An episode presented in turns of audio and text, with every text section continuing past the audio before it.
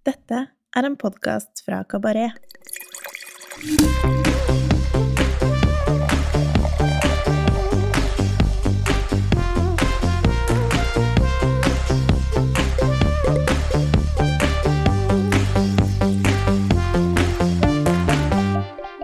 Hallo, velkommen til eh, Ukas vin, en podkast fra Kabaret, der vi hver uke tester én vin som vi enten digger eller som vi har trua på. Jeg heter Tommy Andresen, og i denne episoden har jeg eh, nok en gang med meg Sindre Solem fra vinbaren Nektar i Oslo. Hallo, Sindre. Velkommen tilbake. Takk, takk. Eller igjen. Vi, eh, Igjen. vi spiller jo inn Vi må jukse og si at vi spiller jo inn alle disse Så episodene samtidig. Så hei, hei igjen. Hei igjen. Du, det er eh, dags eh, for litt uh, Jura. Noe jeg vet er en uh, favorittregion hos oss begge to. Stemmer ikke det? Jo, indeed. Jura har jo Jeg har vært fascinert av um, vindistriktet lenge, men de seneste åra så har det nesten eh, bare um, krabbet seg opp og blitt eh, den absolutt favoritten over Burgund, som har på en måte alltid vært mitt, eh, mitt distrikt. Da. Kanskje litt fordi at jeg syns det leverer på høyere og høyere kvalitet, og det er eh, det er så mye glede i vinene, og så er, trenger man ikke konsentrere seg på samme måte som når man drikker god burgund. Og så har kanskje burgund de siste åra, særlig det 18 år gangen, kanskje ikke levert helt ennå. Eh, Så jeg får liksom Det er så mye mer drinkability, da, drikkeglede, men samtidig så har det noe helt um, eget. Du smaker med en gang at det er jura før du på en måte vet hva det er. Ja. Nesten. Ja, jeg er blitt uh, ufattelig glad i den regionen. Altså. Det er på en måte det um, jeg kunne hatt kasse på kasse på kasse og bare drikke når som helst. Mm. Ja, den stedegenheten, den er jo ganske, den er jo ganske spesiell. Mm. Eh, mange mener at det kommer liksom fra det eh, mergelholdige jordsmonnet. Men det, det må jo også være litt vinifikasjon hos, eh, hos produsentene. Hva tenker du om Sikkert det? litt naturlig gjær.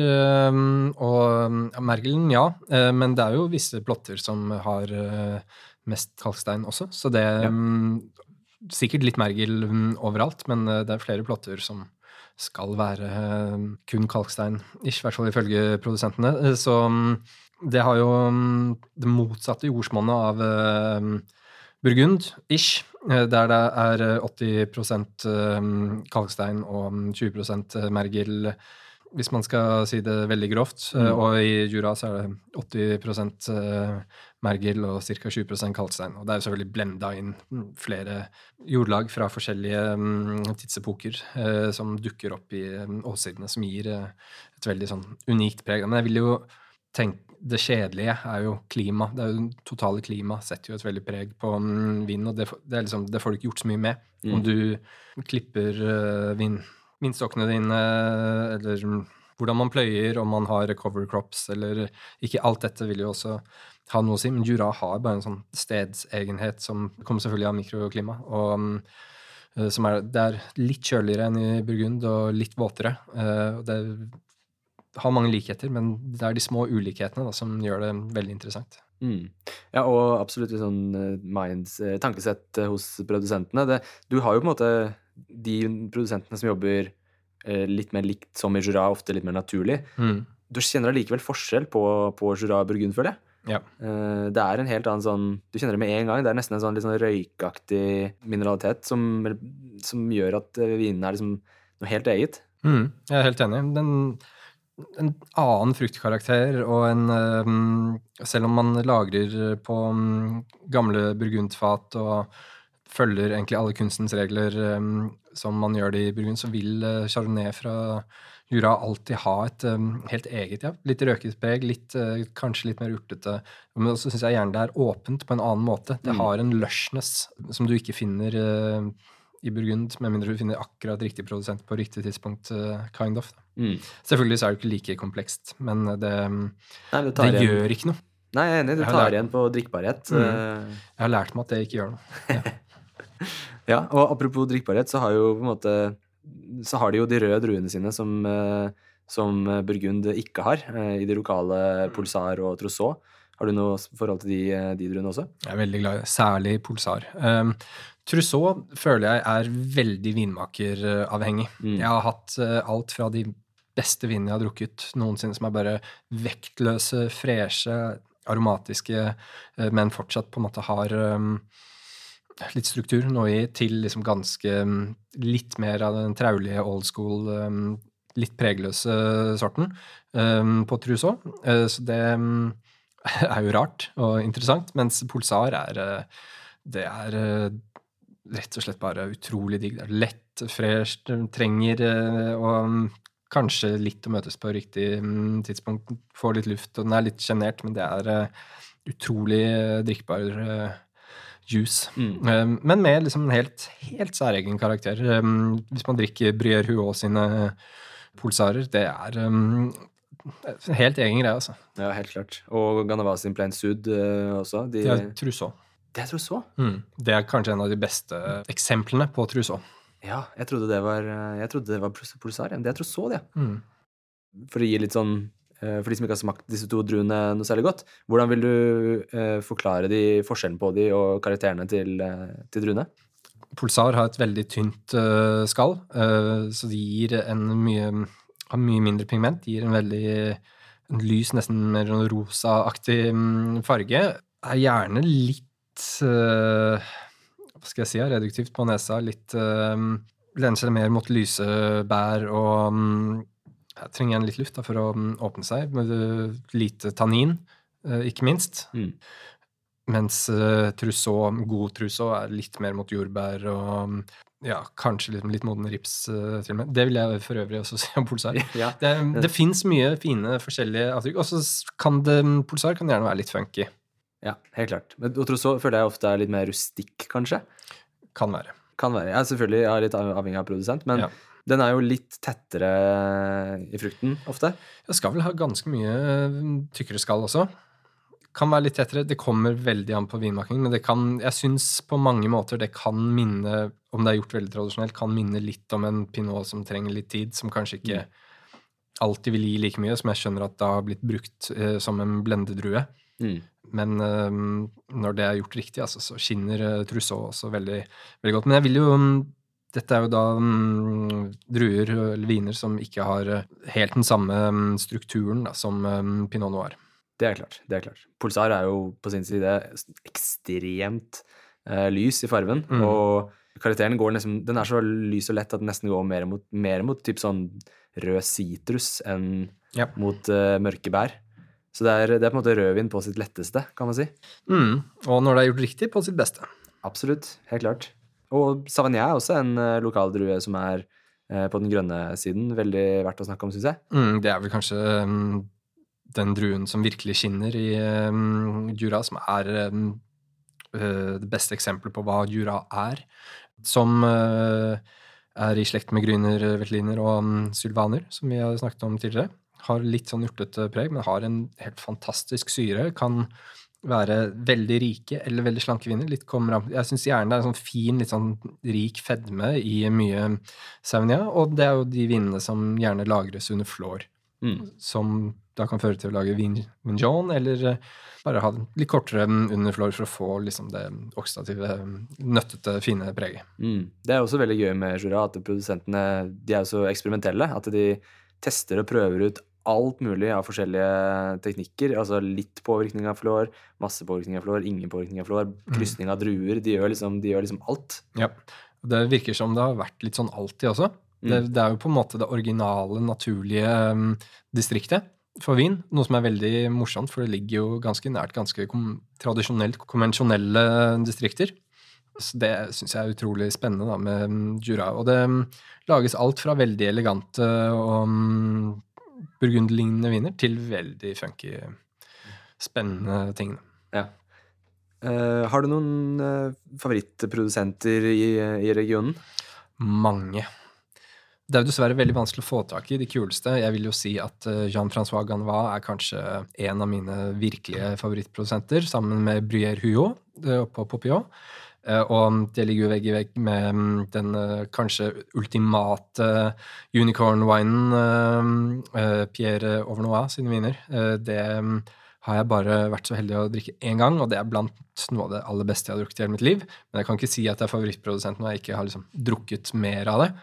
Mm, en, eh, men en vinmaker eh, jeg har drukket litt mer av, som er utrolig kul, er eh, Julien Labé sine viner. Det syns jeg er magisk. Og det har jo faktisk kommet til Norge nå, men bare liksom en håndfull flasker, så man kan jo ikke si at det faktisk fins i Norge. Nei, Egentlig. Det, er ikke synlig.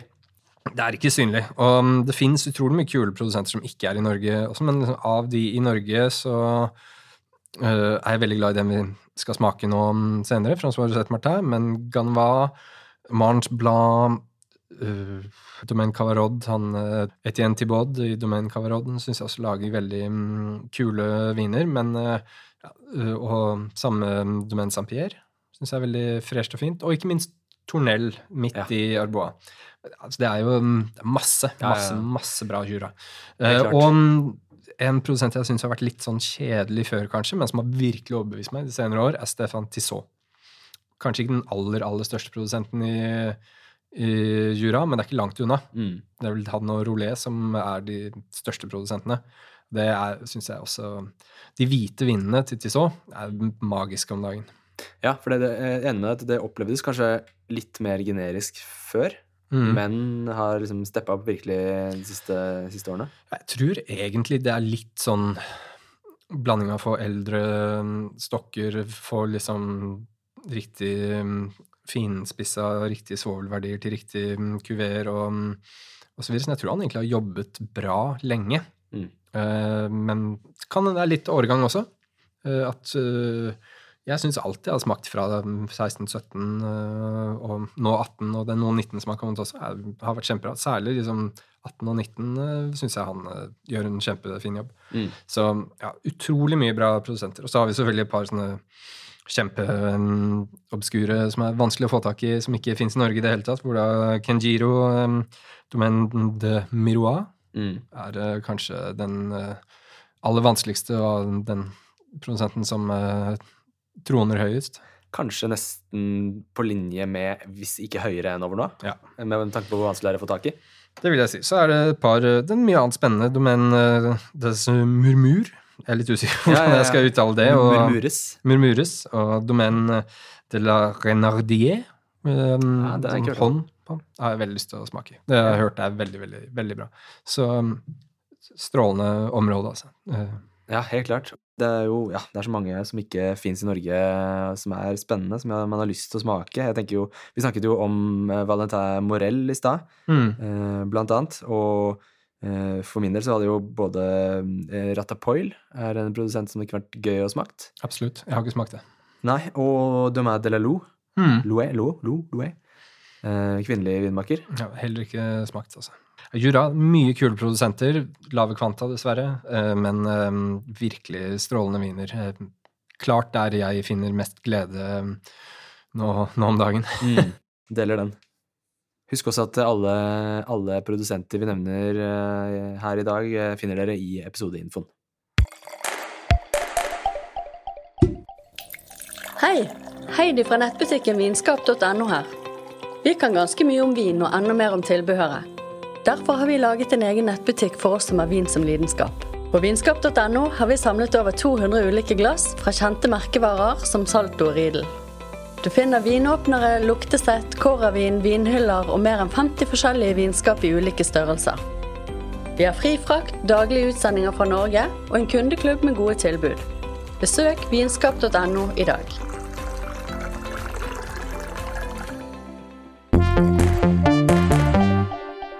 Ukas vin, den, er, eh, den kommer fra en eh, relativt ny stjerneprodusent som egentlig kan kalles å være en slags tungvekter eh, i gamet allerede.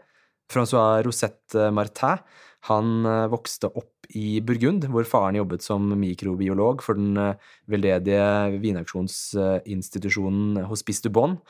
I, I barndommen så ble Francois tatt med på turer til Jura sammen med faren, hvor familien eide en liten parsell med vinstokker. Og etter eh, ønologistudiene og har jobbet eh, litt rundt i Ron og Languedoc, så returnerte Francois til røttene sine i Jura og etablerte seg der i, i 2007. I starten så jobbet han på det lokale kooperativet, i tillegg til å gradvis etablere sitt eget eh, foretak på si. I, eh, I 2018 så satsa han på fullt på egen produksjon, Og han har eh, på få år klart å opparbeide seg et eh, rimelig solid navn og regnes som en av de nye, virkelig nye stjerneprodusentene fra, fra regionen. Francois han er eh, ytterst opptatt av terroir og mikroklimaer, noe som har resultert i en ganske voldsom portefølje med over 20 ulike kuveer. Ikke ulikt eh, Jean-François eh, Ganeva, som vi nevnte tidligere, som også deler litt samme tankesett om eh, Juras unike terroir. Eh, Rosette Martin han dyrker kun eh, lokale druesorter, hvor syv hektar er planta med Savagnin, to hektar med Chardonnay og resten med Pulsar og Pinot Noir. I tillegg så kjøper han inn litt Aligoté og Pinot Noir fra Burgund, som han eh, vinifiserer selv som, eh, som negosviner. Totalt eh, ti hektar eh, vinmark er hans egne, hvorav eh, halvparten befinner seg i Chateau Chalon. I kjelleren så jobber, jobber han med lang bunnfallsmodning og med en blanding av med og uten florpåvirkning. I Norge så er vi veldig heldige som har fått inn en drøss med ulike kuveer. Eh, Her gjelder det å sikre seg litt flasker mens man enda kan, tror jeg, for jeg mistenker at det er eh, lite sannsynlig at tilgangen er like god om, eh, om noen få år. Kuveen eh, Memé Marie, som vi skal smake på i dag, den er eh, økologisk dyrket. Det er 40 år gamle vinstokker planta i et jordsmonn av grå og hvit mergel. Druematerialet kommer fra en 0,7 hektar stor vinmark i landsbyen Lavigny, et kvarters eh, kjøretur sør for Chateau Chalot. Chardonnay-druene og Savagnin-druene de gjæres eh, først separat. Eh, Savagnin-druene modner i tre måneder sous voile, altså uten flår. Nei, under, under, under flår, unnskyld. Mens fatene med chardonnay toppes opp. Deretter blandes alt sammen og modner videre på ståltanker i elleve måneder før flasking. Vinen er ufiltrert og lavsvovlet. Druesammensetningen er 85% chardonnay og 15% savagnin. På polet så koster vinen 479,90. Skal vi smake litt, Sindre? Yes, let's. Farge først. Gul. Kjempegul. Ja, kjempegul. Ikke vær sånn, men gul. Tydelig at det har fått eh, litt modning, litt pigment her. Uh, muligens litt modne druer òg. Jeg, er faktisk litt, uh, jeg regner vel med at uh, den flårbehandlingen uh, for Samnian setter litt mer farge enn enn hvis du ikke gjør det. Det blir på en måte litt mer konsentrert. Det er vel hele poenget med um, når du lager en Van John, minimum seks år under flår, så blir det jo en veldig konsentrert vin. Så jeg vil jo tenke at dette er en minivariant. Ja. Føler jo at dette er um, Francois Rosette Martins eh, take på en sånn Jura Tradition, som Rolet og flere andre har gjort, men han har lagd det i motsetning til eh, mange av de liksom klassiske, eh, som jeg syns er relativt syrlige, oksidative, litt nesten plastic, hvis jeg kan få lov til å si det. Så det mener jeg dessverre negativt. Så er dette en utrolig liksom levende og um, fresh vin. Ja, og det Altså, flårpreget er jo minimalt, Mm. vil jeg si. Det er ikke veldig, veldig, veldig tydelig. Jeg syns nesten det lukter som en rik eh, chablis, for å være helt ærlig, med litt alder. Det har en, eh, en sånn sjø... Kjølig sjøvibb Kjølig sjøvibb. Ja. Jeg ser den. som ligger over en litt sånn rikere um, rikere frukt. Ja, jeg tenker at eh, den, er, den er på en måte veldig sitrusdrevet. Eh, liksom ganske moden, moden sitron. Litt nøtter, ikke voldsomt mye, men det er der, på en måte. Men også litt det der urte, aromatiske urtepreget fra Sauvignon. Mm, litt sånn Sauvignon kan jo innimellom få litt sånn neslete um, sånn Pent neslete preg. Mm. Eh, veldig med på en moden gul, um, gul sitron her, men elegant og fint. I munnen så er det mye Kjenner du på en måte den um, syrligheten og flårpreget mye mer, vil jeg si. Det er en ganske intens smaksopplevelse. Ja, Mm. ja, munnfølelsen er mye mer, mye mer intens enn lukten. Mm. Ja, det er ganske heftig konsentrasjon her. Jeg tror nok dette er en eh, vin som er morsom å følge over en hel flaske, men liksom på, mm, på karaffel også. Den har på en måte en fin litt sånn fruktsødme mm, Kjempelang mm, munnfølelse. Dette er mm, høy kvalitet. Ja. Og selv om den er relativt pricy, så er det jo på en måte innstegskuveen hans og mye vin for pengene, syns jeg. Det er jo, det er jo toppvin. Det er det. Jeg syns ikke det er mye penger for denne vinen. Men jeg skjønner jo at den blenden med Ouillet Chardonnay og uh, Flor Sauvignon ikke nødvendigvis er for alle. Og, den, Det er klart. Er man ute etter liksom mye florpreg, sånn, så er jo dette en, en mild variant. Det kan være en inngangsport da, hvis du vil lære deg å like Mm. Van John og, og sånt. Og så er det mye mer lettdrikkelig, selvfølgelig, Ja. enn uh, enn Van John. Men en utrolig fin uh, vin som jeg tror kan uh, låne seg til mye mat. Ja, og veldig, veldig sånn sammensatt, uh, nyansert, ganske, sånn, ganske spicy finish, syns jeg. Lang, le, lett Mm. krydra finish. Absolutt. Topp syre og ja, mange, mange lag. Får nesten sånn, sånn litt honningvibb som ikke er søt, hvis det, det um, Ja, jeg skjønner hva du mener. i, i finishen. Smaken av honning. Og honning er jo også egentlig Det er jo veldig syrlig. Ja. Så det, er liksom, det er noe med den fruktsødmen i kombinasjon med høy Mm. syre som, og litt eh, modning, kanskje, eller nøtter og sånn, så, som Mm. gir litt sånn, ja, litt sånn stemning som honning kan gi. Ja. Helt klart. Et, uh, en veldig elegant uh, vin med flott Du kjenner vel kanskje bitte, bitte litt fat, men ikke um, altså Det er bare kledelig. Det bidrar til teksturen. Mm. Og gjør seg absolutt eh, med litt av luftetur i karaferen. Mm, det um, vil jeg absolutt påstå. Vi var så eh, lure at vi helte den oppi en, eh, en uh, liten flaske kolbe her i tidligere Veldig rund karaffel. Den rundeste karaffelen jeg har sett i hele mitt liv. Den ruller nesten av bordet. Så vi får passe å drikke opp da, før, den, før det skjer. Altså, og temperaturen eh, er jo også grei å passe på at det går litt høyere enn fire grader og kjøleskap. Ja. Ikke for kald, ikke for varm. Nei. Hva tenker du? Sånn åtte-ti? Nei, så det klarer seg fint. uh, altså, 13 tror jeg dette er uh, bra på. altså. Kjellerkald? Kjellerkald. Mellom uh, Skal ikke gå noe under 11, 10-11, syns jeg. I hvert fall, og det, jeg tror ikke dette er vondt å drikke på uh, 14, uh, nærmere 15 nesten. Jeg tror uh, Sauvignon bærer det veldig fint. Det er Mm. litt skarpe preget. Uh, Så er det sånn Uh, Den blir Den åpner seg opp mer og mer, da. og lukta har det endra seg litt også. Det kommer litt mer sånn Nesten litt sånn fennikel-anisfrøaktig Det forbinder jeg ofte litt med reduktivitet, jeg. Men det vet jeg ikke om det er sånn, helt sånn teknisk korrekt. Men Nei, jeg har føler jeg ofte, ofte jeg får det når, hvis du har åpna en eh, litt ung cha- chablis, litt ung chardonnay, og, og så er den smashing med en gang. Slenger du på karaffel, og så kommer liksom et litt sånt anis eh, Veldig sånn mild tiltalende blyantspiss, nesten. Jeg vil jo ikke si at jeg er her, men jeg er enig med litt sånn lett fennikelblomst, liksom. Ja, ja. Ja den, er, den er litt ja, floral eh, retning. Ikke, sånn, liksom, ikke stjerneanis, liksom, men mer sånn ja, fennikel, anis, frø. Eh, floral. Det, det er kanskje det lille touchet med Savagnin også, som eh, bidrar mer med en, Absolutt. en chardonnay, og kanskje litt reduktivitet i tillegg. Jeg syns faktisk det kan uh, bitte litt på nesa, men også i, mm, i munnen kan, kan minne om en sånn veldig vinøs uh, gøse. Surøl, nesten. Det er liksom litt i Det er nok uh, den oksidative touchen som uh, bidrar til det.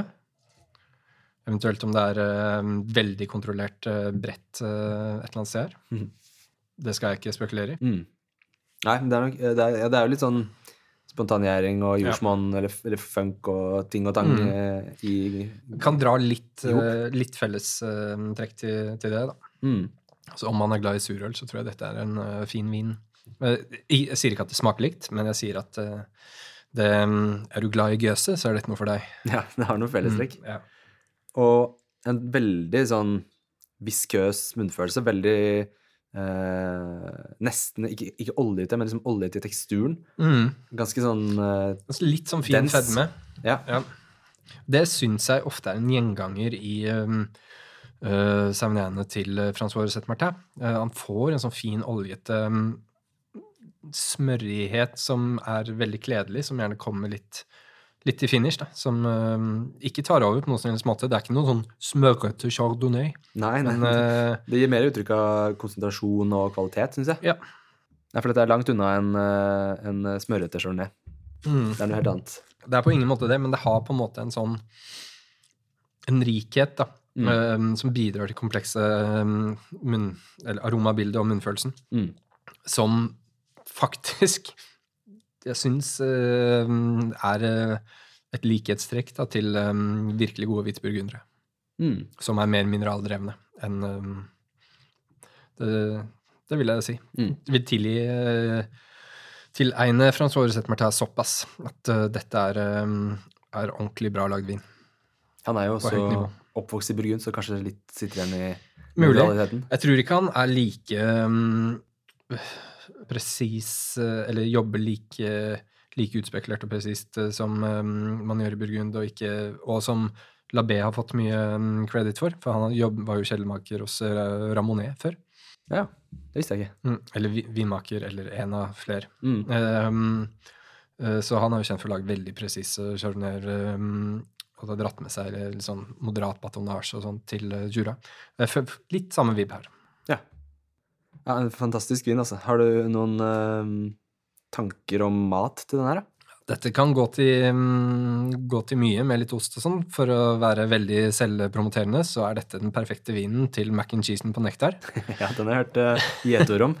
Ja, men sånn helt teknisk korrekt så vil vel liksom mm, 24 måneder komité være mm, det ultimate mm, her. Men jeg tror nok alt fra liksom litt sånn robust sjømat og lyse, altså ikke tomatbaserte pastaretter, men og selvfølgelig pizza. Mm. Jeg tror alt som har litt, litt ost øh, så, og da litt fett som trengs å hamles opp med, men som ikke er liksom, ikke noe sånn tungt kjøtt. Mm. Jeg tror å slenge litt comté oppå en steinsoppizza kunne gjort seg. Ja, det tror jeg. Det hadde vært veldig, veldig godt. Så, men også som aperitiff, hvis man skal ha litt sånn spekemat, pata negra, eh, oliven og mm, oster, litt, Mm. litt sånn type snacks, er også dette en ypperlig mm, vin til, som er lettere enn om du skulle hatt cherry osv. Mm. Ja, absolutt. Eh, godt, godt alternativ, sånn sett. Ja. Stor vin, vil jeg eh, påstå. Dette er um, Grand vin, som du mener du? grand vin. Dette er mye, mye glede, og um, ukomplisert og komplisert på en gang. Ja, helt klart. Lettdrikkelig, men komplekst. Ja, så dette er, eh, jeg er veldig glad for at dette er tilbake i, i Norge. Jeg mm, var jo på en veldig veldig flott eh, vinbutikk i Paris, som jeg tror faktisk du tipset meg om for en del år siden. Ja vel. Um, Le Cap de Papille, like ved oh, ja. um, eh, katakombene i Paris. Og da mm, var jeg dum og naiv og gikk inn og bare ah, 'Har dere noe over noe jeg kan kjøpe da?' og da var det sånn Nei, selvfølgelig ikke. Det fins jo ikke. Men Francois Recet Martin drikker vi ved siden av over noe, sa de. De, Ja. de holdt liksom det nesten like bra, så dette er liksom det du bør eh, følge med på. Og da jeg tror jeg vi kjøpte 16-årgangen eller noe sånt der. Og det 16 eller 14. Og det var eh, sinnssykt kult. Siden det har han vært på min radar. Kult. Ja, den uh, Dit skal jeg tilbake når, når ting åpner igjen, ass. Mm. En av Det er godtebutikk. Det er en godtebutikk. Herlig, Sindre. Da tenker jeg at vi runder av for eh, denne gang og sier eh, tusen takk for at du ble med oss i eh, fire episoder. Eh, følg med i neste episode. Da er det en eh, ny vin og en ny som ler. Ha det, ha det. Ha det godt! Husk at du finner info om vinen vi smaker på i episodeinfoen. Der finner du også en liste med produsentene vi nevner i episodene. Har du ris eller ros, må du gjerne sende en mail til vin at kabaret.no. Husk å abonnere på podkasten, og gi oss gjerne noen stjerner.